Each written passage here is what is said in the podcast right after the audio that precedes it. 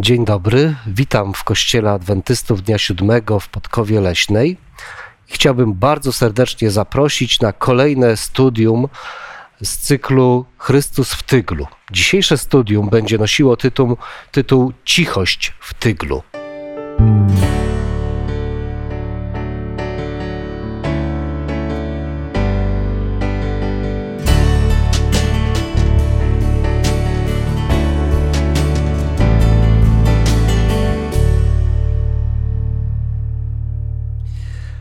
Dzisiaj w dyskusji i w studium będą uczestniczyć razem ze mną Anna, Władysław, Jonatan, a ja mam na imię Remigiusz. Chciałbym, abyśmy rozpoczęli to studium modlitwą, prośbą o prowadzenie przez Ducha Świętego. Ojcze nasz, który mieszkasz w niebie, wszechmogący wiekuisty Boże, przychodzimy przed Twój święty majestat, aby Ci podziękować za tą kolejną możliwość studiowania Twojego słowa, za tą kolejną możliwość poznawania Ciebie, Boże, Twojej miłości do nas. Panie Boże, dzisiaj będziemy rozważać trudny temat, trudny dla nas ludzi. Temat, który mówi o tym, że Prawdziwy chrześcijanin powinien być cichy i pokorny. Panie Boże, proszę prowadź nas przez to studium. Daj nam możliwość wypowiedzenia tych myśli, które Ty nam dasz. Da, daj nam zrozumienie tych tekstów, które będziemy studiowali i spraw, Panie Boże, żebyśmy my byli obogaceni tym studium, ale proszę o naszych widzów. Spraw, Panie Boże, żeby oni też razem z nami skorzystali z tego studium, poznali jeszcze inne Twoje cechy, Panie Boże, w imieniu Pana Jezusa o to proszę. Amen. Amen. Drodzy, czy tytuł dzisiejszego studium nie wydaje Wam się dziwny? Cichość w tyglu. Wyobraźcie sobie człowieka wrzuconego do tygla. Jak pamiętamy z wcześniejszych e, spotkań, tygiel to jest miejsce, w którym się wypala metale. Element zaskoczenia mhm. jest tym, co powoduje, że człowiek na pewno zareaguje negatywnie zareaguje krzykiem, e, chęcią ucieczki, e, to jest no, związane z naszą ludzką naturą. No, możemy powiedzieć, że tygiel, kiedyś żona mi mówiła, że jak w laboratorium była, to był tygiel i miał taką długą rączkę. No, uniknąć tego gorąca, które tam jest i dlatego, żeby można było uchwycić. No i tak rzeczy, w tym rzeczywistym no, robimy wszystko, żeby uniknąć tego, co ofiaruje nam tygiel. Mhm. A jednak jesteśmy w tyglu. Tak. Nasze życie jest pewnym tyglem, w jakiś sposób e, też kierowanym przez Boga. Jesteśmy w różnych sytuacjach. Ja zastanawiam się, bo całe nasze dzisiejsze studium będzie poświęcone pokorze. Jak w naszej kulturze traktowana jest pokora?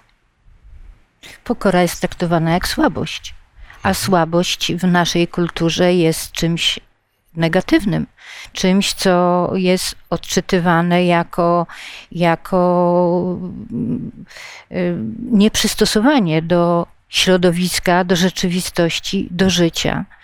Także mm, nie jest to popularna mm, cecha, którą niektórzy posiadają. No. Jak patrzymy w media społeczne, takie inne rzeczy, co się dzieje w telewizji, radiu i tak dalej, kto ma uwagę? Ten, który jest głośny. Tak. I, mhm. I rzadko się zwraca uwaga na tych cichych, na tych pokornych, chociaż jest ciekawe, że badania pokazują inaczej. Są e, wyraźne badania znanych autorów jak Jim Collins, które pokazują, że najlepsi liderzy mają taką paradoksalną mieszankę pokory i siły woli. Że mogą się upokorzyć, to nie jest ego. Większość ludzi nie wie, kim oni w ogóle są w mediach, czy gdzieś tam poza firmą a potrafią skierować swoją wolę zawodową w misję i wizję organizacji i budować innych. I to jest coś, co, co nie widzimy. To coś, czemu to jest taki paradoks, że ogólnie myślimy, że ci, którzy są skuteczni, to są głośni, dumni i którzy, którzy zwracają uwagę. Może taki model wykreowała historia, prawda? Bo przegrani liderzy to byli ci najgłośniejsi liderzy, chociażby Adolf Hitler, który zasłynął z jego emocjonalnych, krzykliwych wystąpień, no ale gdzieś tam w tle nie szła ta merytoryczność i działania, i myślenia. Jesteśmy w takiej sytuacji, gdzie pokora, cichość jest traktowana jako słabość, nieudacznictwo. Ale zobaczmy, jak tę pokorę i cichość traktował Pan Jezus. W kazaniu na górze, w ośmiu błogosławieństwach, znajduje się jedno z nich, które brzmi tak. To jest Ewangelia Mateusza, piąty rozdział, piąty wiersz. Błogosławieni cisi, albowiem oni posiądą ziemię. Czym jest cichość? Taki synonim pokory, ale spróbujmy sobie to doprecyzować. Ci, którzy posiądą ziemię według pojęcia ludzi, to są ci głośni, którzy walczą i tak dalej. A Jezus Chrystus powiedział zupełnie inaczej. Mnie się bardzo podoba e, definicja e, cichości, którą przytoczył autor lekcji w części sobotniej i przeczytam po prostu. Cichość ktoś zdefiniował jako znoszenie krzywd w sposób cierpliwy i pozbawiony rozgoryczenia. Myślę, że to jest dosyć trafiona e, definicja, dlatego że cichość nie polega na samej ciszy, ale cichość polega na tym, żeby, żeby w pokorze znosić te doświadczenia, te próby, które, przez które człowiek przechodzi. I dalej w tej lekcji jest napisane, że że e, cichość, czyli znoszenie krzywd w sposób cierpliwy i pozbawiony rozgoryczenia, jest jedną z najważniejszych cech charakteru Jezusa i jego wyznawców. E, więc wiemy dokładnie, że tu chodzi o to, że my jako chrześcijanie, jako ludzie, którzy znają, wiedzą, że na świecie istnieje grzech, istnieje wielki bój, wiemy, że przez doświadczenia przechodzić musimy, ponieważ no, żyjemy na grzesznym świecie, w grzesznym świecie. Wobec powyższego, no, e, mając w świadomości to, że Bóg panuje nad całą historią świata, no, powinniśmy uczyć się w pokorze znosić te te e, doświadczenia w kontekście właśnie tego, żeby nie być rozgoryczonymi z powodu doświadczeń, które nas spotykają. To jest bardzo ciekawa myśl, bo tutaj kazanie na górze jest przez wielu uznanych jak gdyby drugie podanie dekalogu. Mhm. Tak jak było przekazanie dane Izraelowi na pustyni, to tutaj Jezus jeszcze raz, Bóg sam przemawia do Izraela i w bardzo innym kontekście podaje im zasady Królestwa Bożego, gdzie oni wychodzili z Egiptu i otrzymali 10 przykazań i wszystkie inne zasady i ewentualnie doświadczyli brak pokory, bo chcieli być tak jak inne królestwa, mieć królów, aby iść do wojny i mieli oczekiwanie, że Mesjasz będzie jakimś potężnym wodzem. Jezus im mówi, nie. Mhm i osobiście, i będziemy trochę rozważać na ten temat, że on chciał im też tylko opowiedzieć te zasady, ale przedstawić, co to znaczy. Dziękuję bardzo. To jest jeszcze też ciekawe, że ta cichość to jest właśnie takie pokorne znoszenie przeciwności, dlatego że cisza może być także wyrazem buntu. No, ktoś się przestaje odzywać, dlatego że nie zgadza się z tym, co powiedziano o nim, co do niego powiedziano i tak dalej. To jest, to jest bardzo, bardzo też ciekawy aspekt, ale popatrzmy na przykłady. Jest takie stwierdzenie Oswalda Chambersa, że żeby móc służyć ludziom, musimy stać się jak złamany chleb i wylane wino. Myślę, że na praktycznych przykładach zobaczymy, jak człowiek powinien stać się złamanym chlebem i rozlanym, winem, aby móc być gotowym do służenia innym. Mamy kilka przykładów biblijnych takich postaw. Pierwszy z nich to prorok Ezechiel. Przeczytamy 24 rozdział Księgi Ezechiela od 15 do 18 wiersza. I doszło mnie słowo Pana tej treści. Synu człowieczy, oto ja zabiorę ci przez nagłą śmierć rozko rozkosz twoich oczu, lecz ty nie biadaj ani nie płacz, niech ani jedna łza u ciebie się nie pojawi. Wzdychaj tylko cicho i nie urządzaj żałoby po zmarłym. Zawiąż sobie zawój na głowie, a na nogi włóż sandały. Nie zasłaniaj swojej brody i nie jedz chleba żałoby. Z rana przemawiałem do ludu a wieczorem zmarła moja żona. Następnego rana uczyniłem to, co mi nakazano. Wtedy lud rzekł do mnie: Czy nie powiesz nam, co to, za, co to dla nas znaczy, że ty tak czynisz? I odpowiedziałem im: Doszło mnie słowo Pana tej treści. Przemów do domu izraelskiego, tak mówi wszechmocny Pan. Oto ja zbezczeszczę moją świątynię, chlubę waszej potęgi, z której jesteście dumni, rozkosz waszych oczu i ukochanie waszych dusz. Wasi synowie i wasze córki, które tam pozostawiliście, padną od miecza. Wtedy uczynicie to, co ja uczyniłem. Nie będziecie zasłaniali swoich brud i nie będziecie jedli chleba żałoby. Zawoje będą na waszych głowach, a na waszych nogach sandały. Nie będziecie urządzali żałoby ani płakali, lecz z powodu swoich win uschniecie i jeden przed drugim będziecie jęczeć.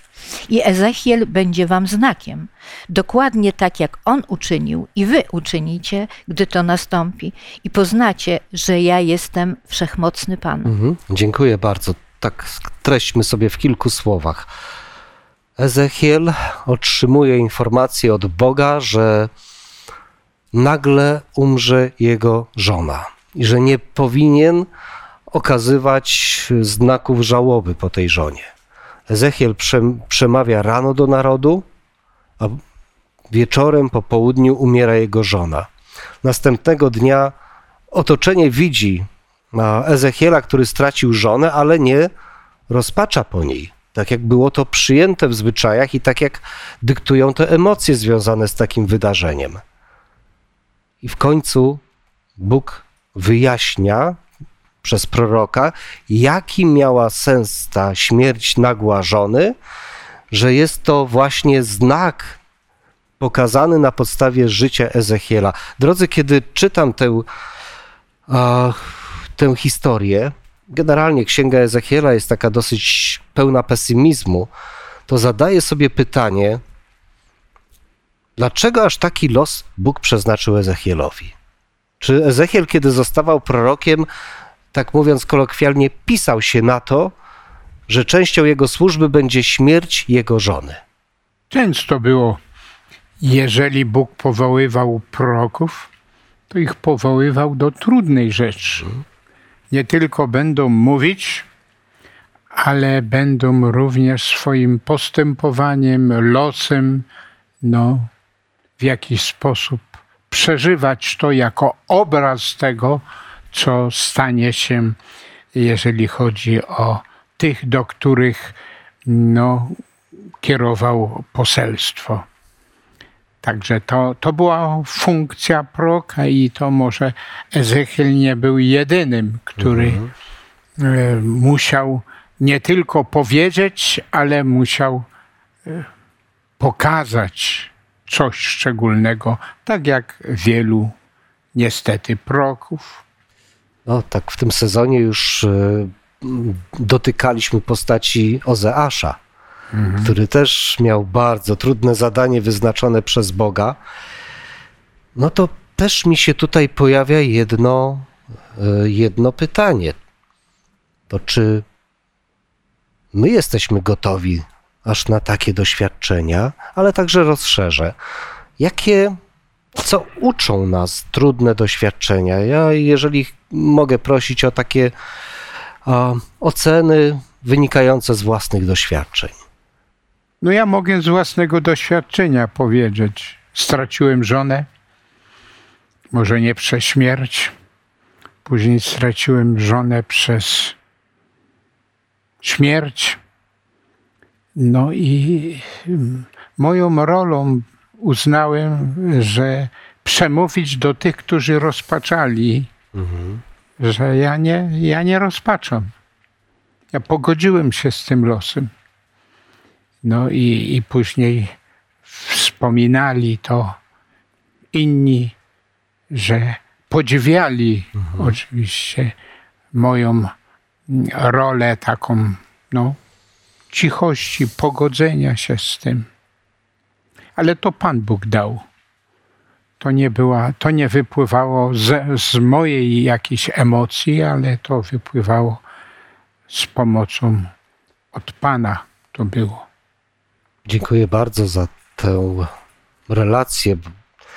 Przyznam, że kiedy, mm, kiedy przygotowywałem się do studium i kiedy wiedziałem, z kim będę e, współpracował w tym studium, no właśnie pomyślałem o Twoich doświadczeniach w tym, w tym kontekście, o Twoich doświadczeniach życiowych, dlatego no dziękuję za podzielenie się taką, myślę, że jeszcze gdzieś tam rozdzierającą informacją, mimo że dalszy ciąg życia potoczył się dobrze.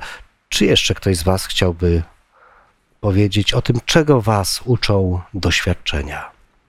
Mam takiego przyjaciela z Kanady i miał ciekawe doświadczenie, że odkryto, że miał raka w policzku.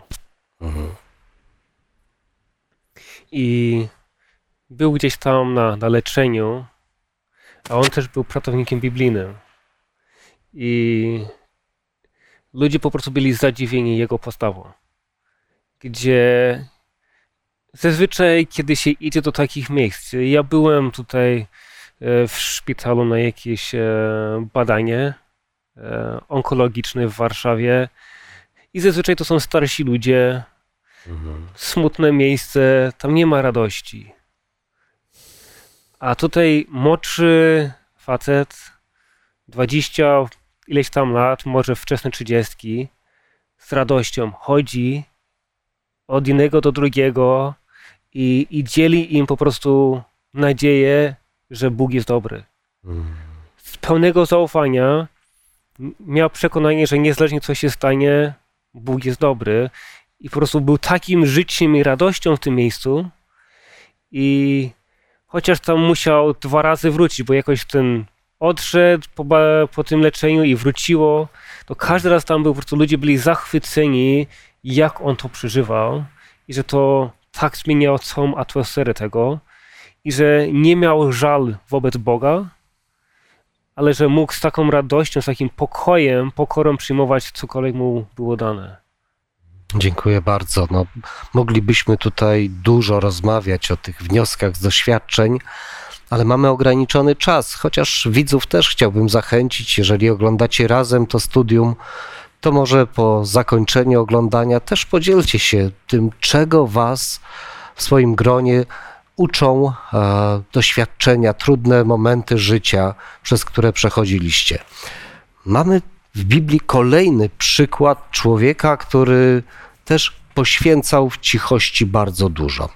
To jest Mojżesz. Oczywiście w życiu Mojżesza było wiele różnych historii i różnych jego zachowań, ale skupmy się dzisiaj na jednym, i które jest opisane w 32 rozdziale Księgi Wyjścia. Jest to historia, kiedy Mojżesz schodzi z góry, ponieważ Bóg informuje go na górze Synaj, że coś niedobrego dzieje się w obozie. Przeczytajmy fragment e, tej historii od 7 do 10 wiersza. Przypominam, 32 rozdział Księgi Wyjścia. Wówczas Pan powiedział do Mojżesza: Zejdź natychmiast, ponieważ Twój lud, który wyprowadziłeś z ziemi egipskiej, postąpił wiarłomnie. Szybko zeszli z drogi, którą im wyznaczyłeś. Oddali, e, odlali sobie cielca, odlali mu pokłon, złożyli ofiary i mówili Izraelu: To są twoi bogowie, którzy wyprowadzili cię z ziemi egipskiej. Pan mówił dalej do Mojżesza: Widzę, że jest to lud twardego karku. Zostaw mnie teraz, a niech mój gniew zapłonie przeciwko nim. Wytracę ich, ale ciebie uczynię wielkim narodem. No zobaczcie.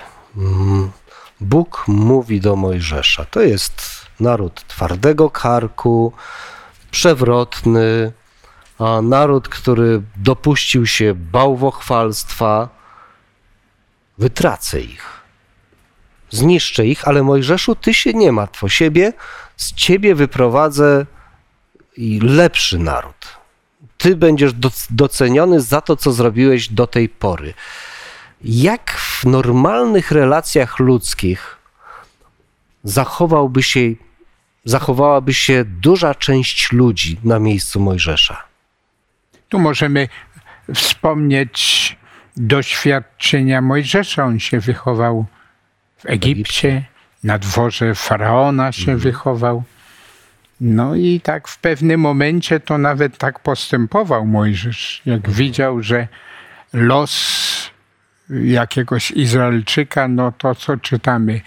Zabił tego Egipcjanina. Mhm. A więc to jest coś przeciwnego, co w późniejszym życiu się pojawiło. No właśnie, Jonatanie, wspominałeś o cechach lidera, tak? Że najlepsi liderzy to są ci pokorni, ale z drugiej strony mamy przykład też liderów, którzy są karierowiczami, którzy dbają najbardziej o własną reputację. No gdybyśmy postawili na miejscu Mojżesza takiego właśnie człowieka, jakie byłoby jego zachowanie? No to jest ciekawa rzecz, że w tych badaniach taki ciekawy obraz się tworzy, że jak jest taki lider, taki silny wódz, który traktuje wszystkich jak powiedzmy małpy, które mają mhm. ich wyroki spełniać.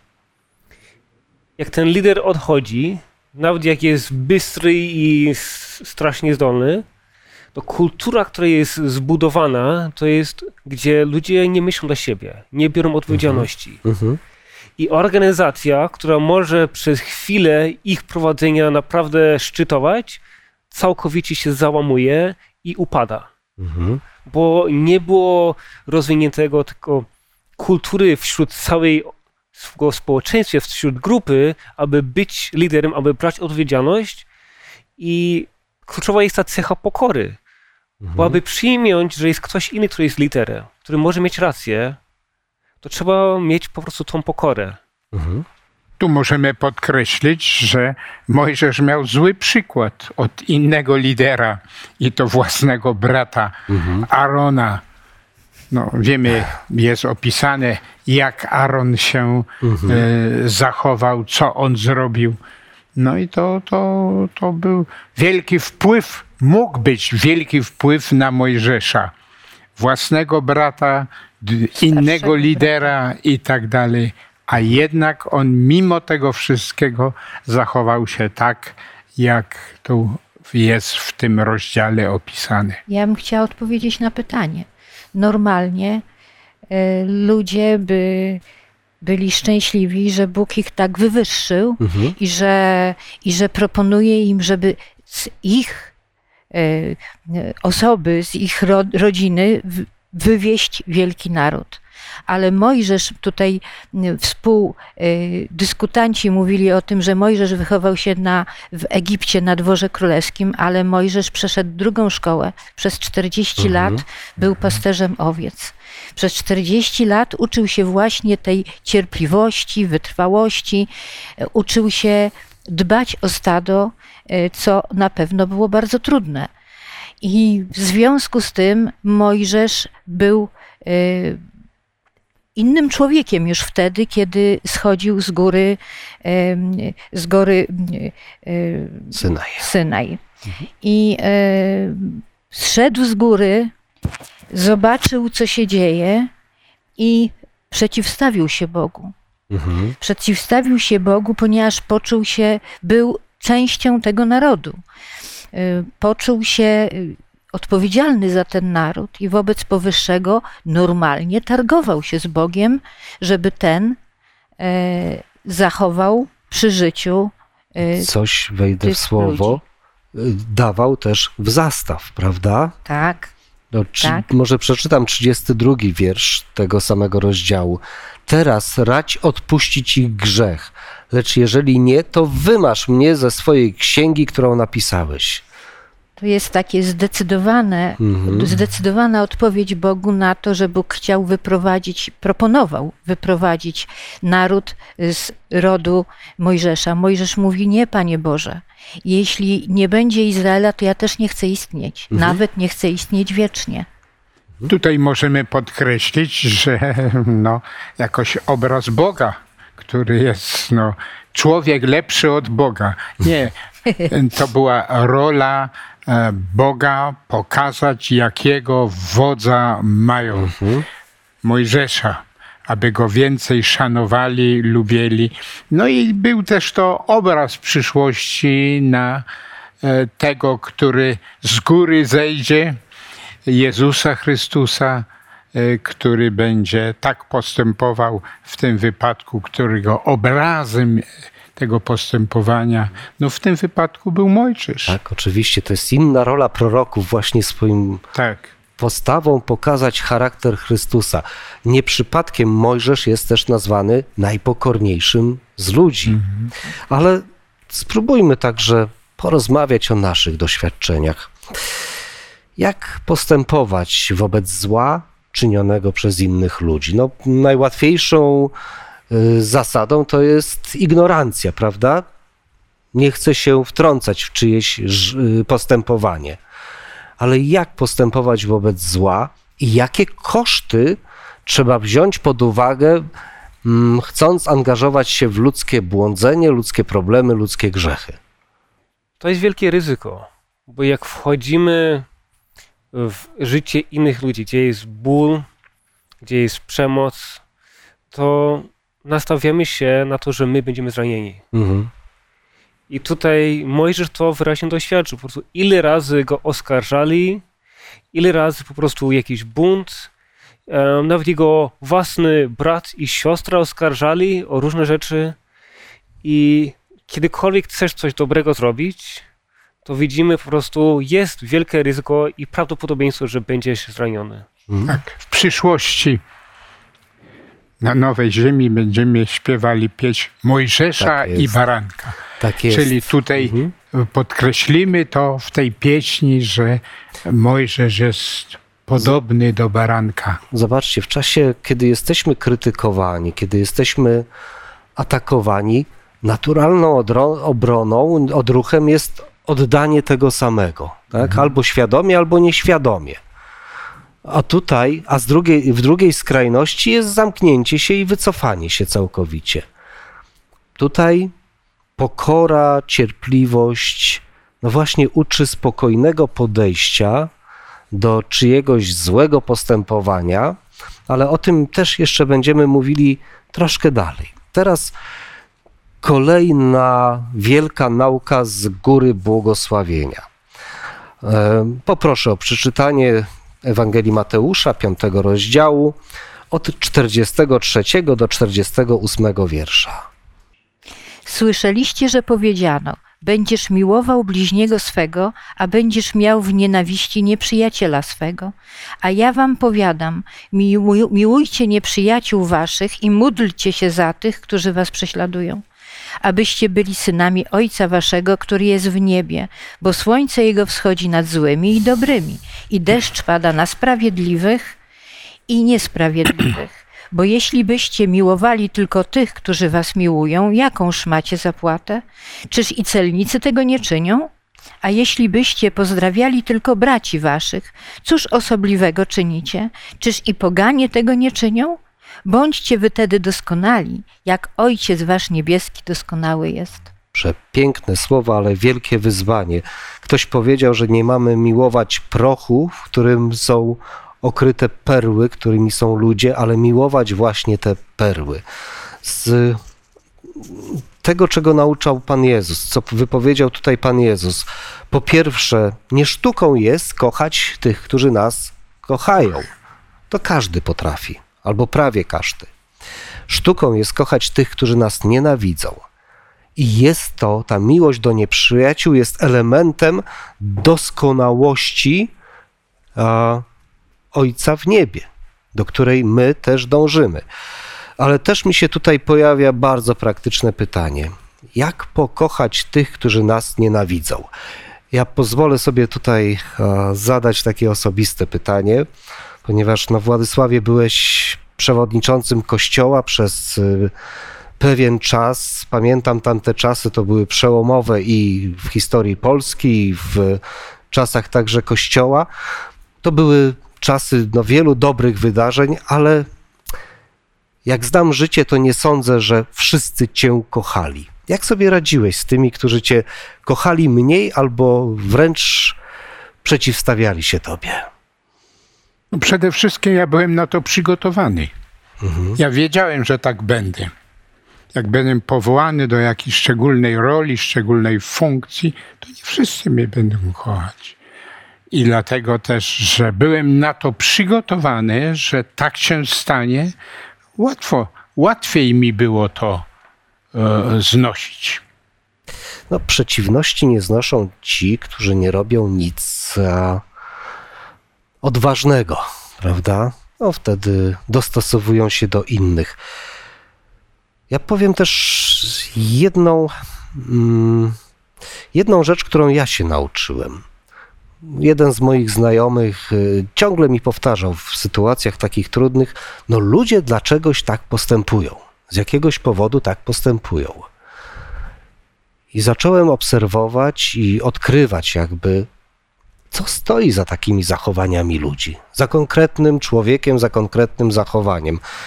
No w moim przypadku na przykład to jest, nie wiem, mam jakieś takie szczęście do ludzi wychowanych przemocowo którzy takie zachowania później powielają w relacjach ze swoim otoczeniem. Ale gdzieś pozwala mi to zrozumieć tych ludzi i patrzeć i podchodzić do nich inaczej.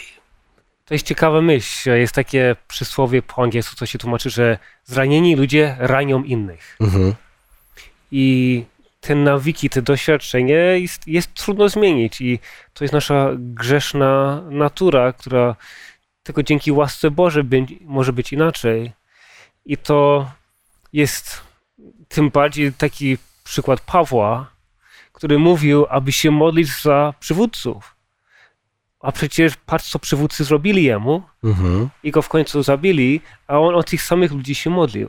Mhm. I to jest po prostu taki wow, taki mocny przykład, że był nastawiony, był gotowy przejść przez różne trudności, ale jak musiał w praktyce mieć przemienione swoje serce, aby przyjąć tą naukę tutaj Chrystusa, aby za tych, którzy chcą go zabić, o nich się też modlić. Paweł prosił o modlitwy za władców, w tym za Nerona, no. który później go ściął.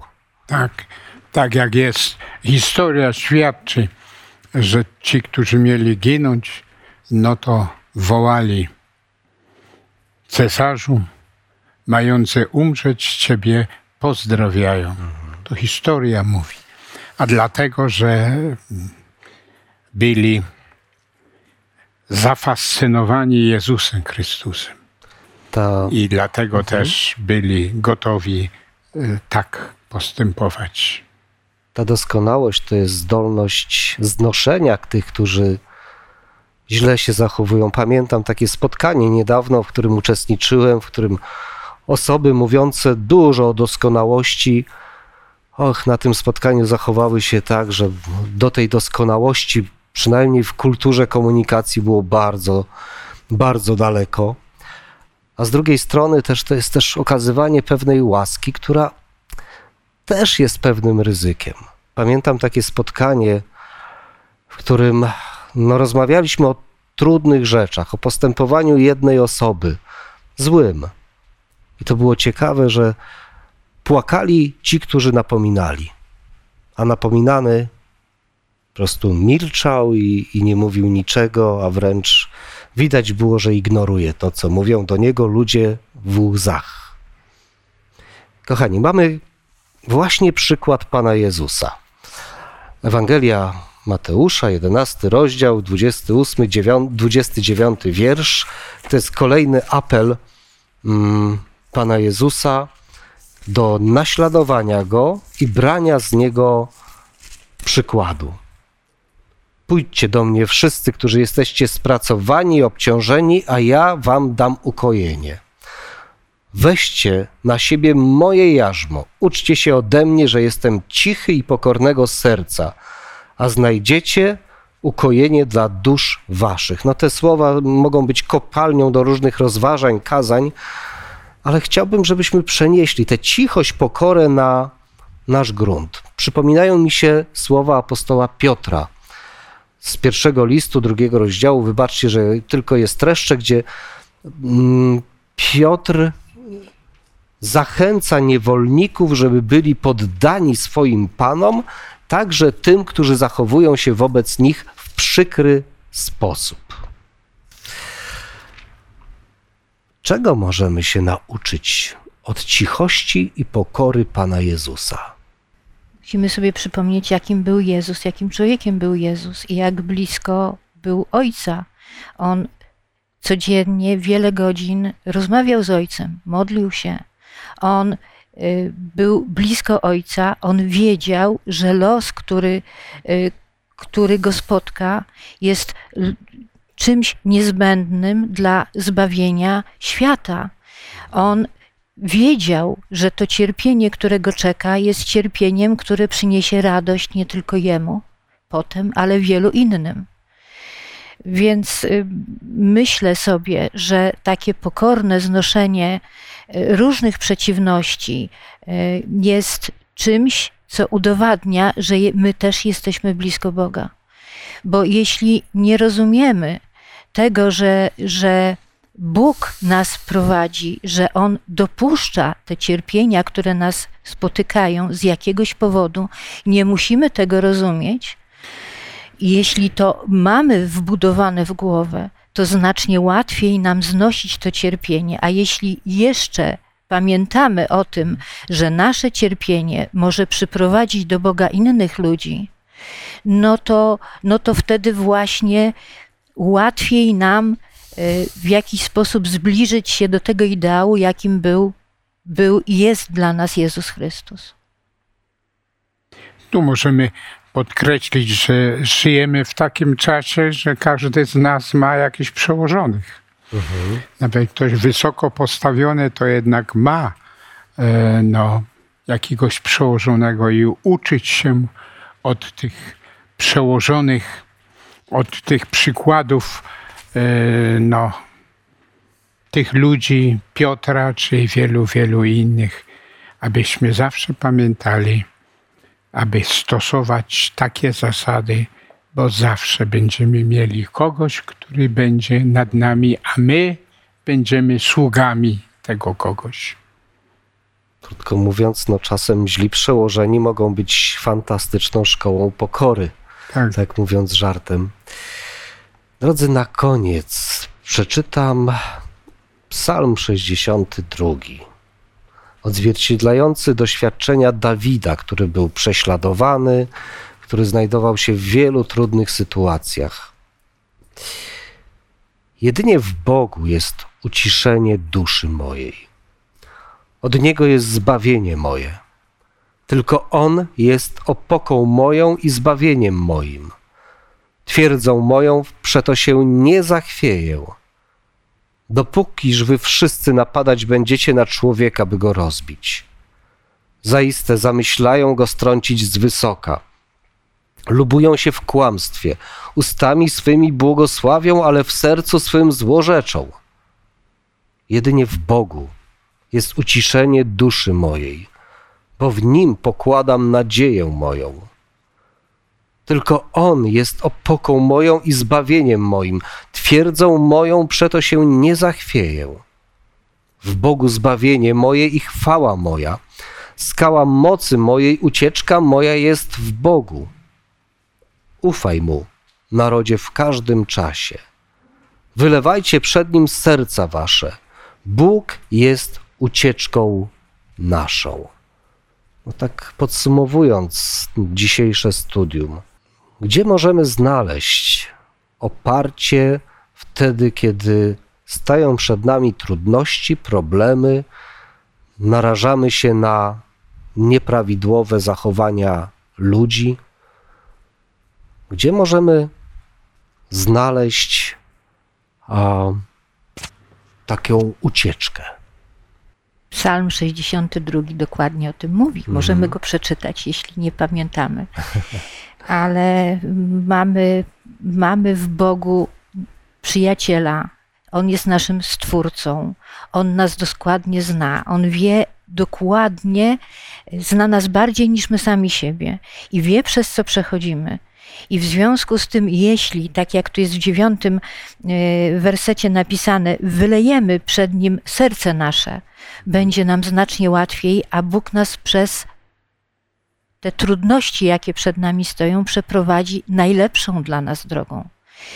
Taką drogą, której my pewnie byśmy sami nie wybrali, ale Bóg z wysokości widzi lepiej niż my tutaj na ziemi.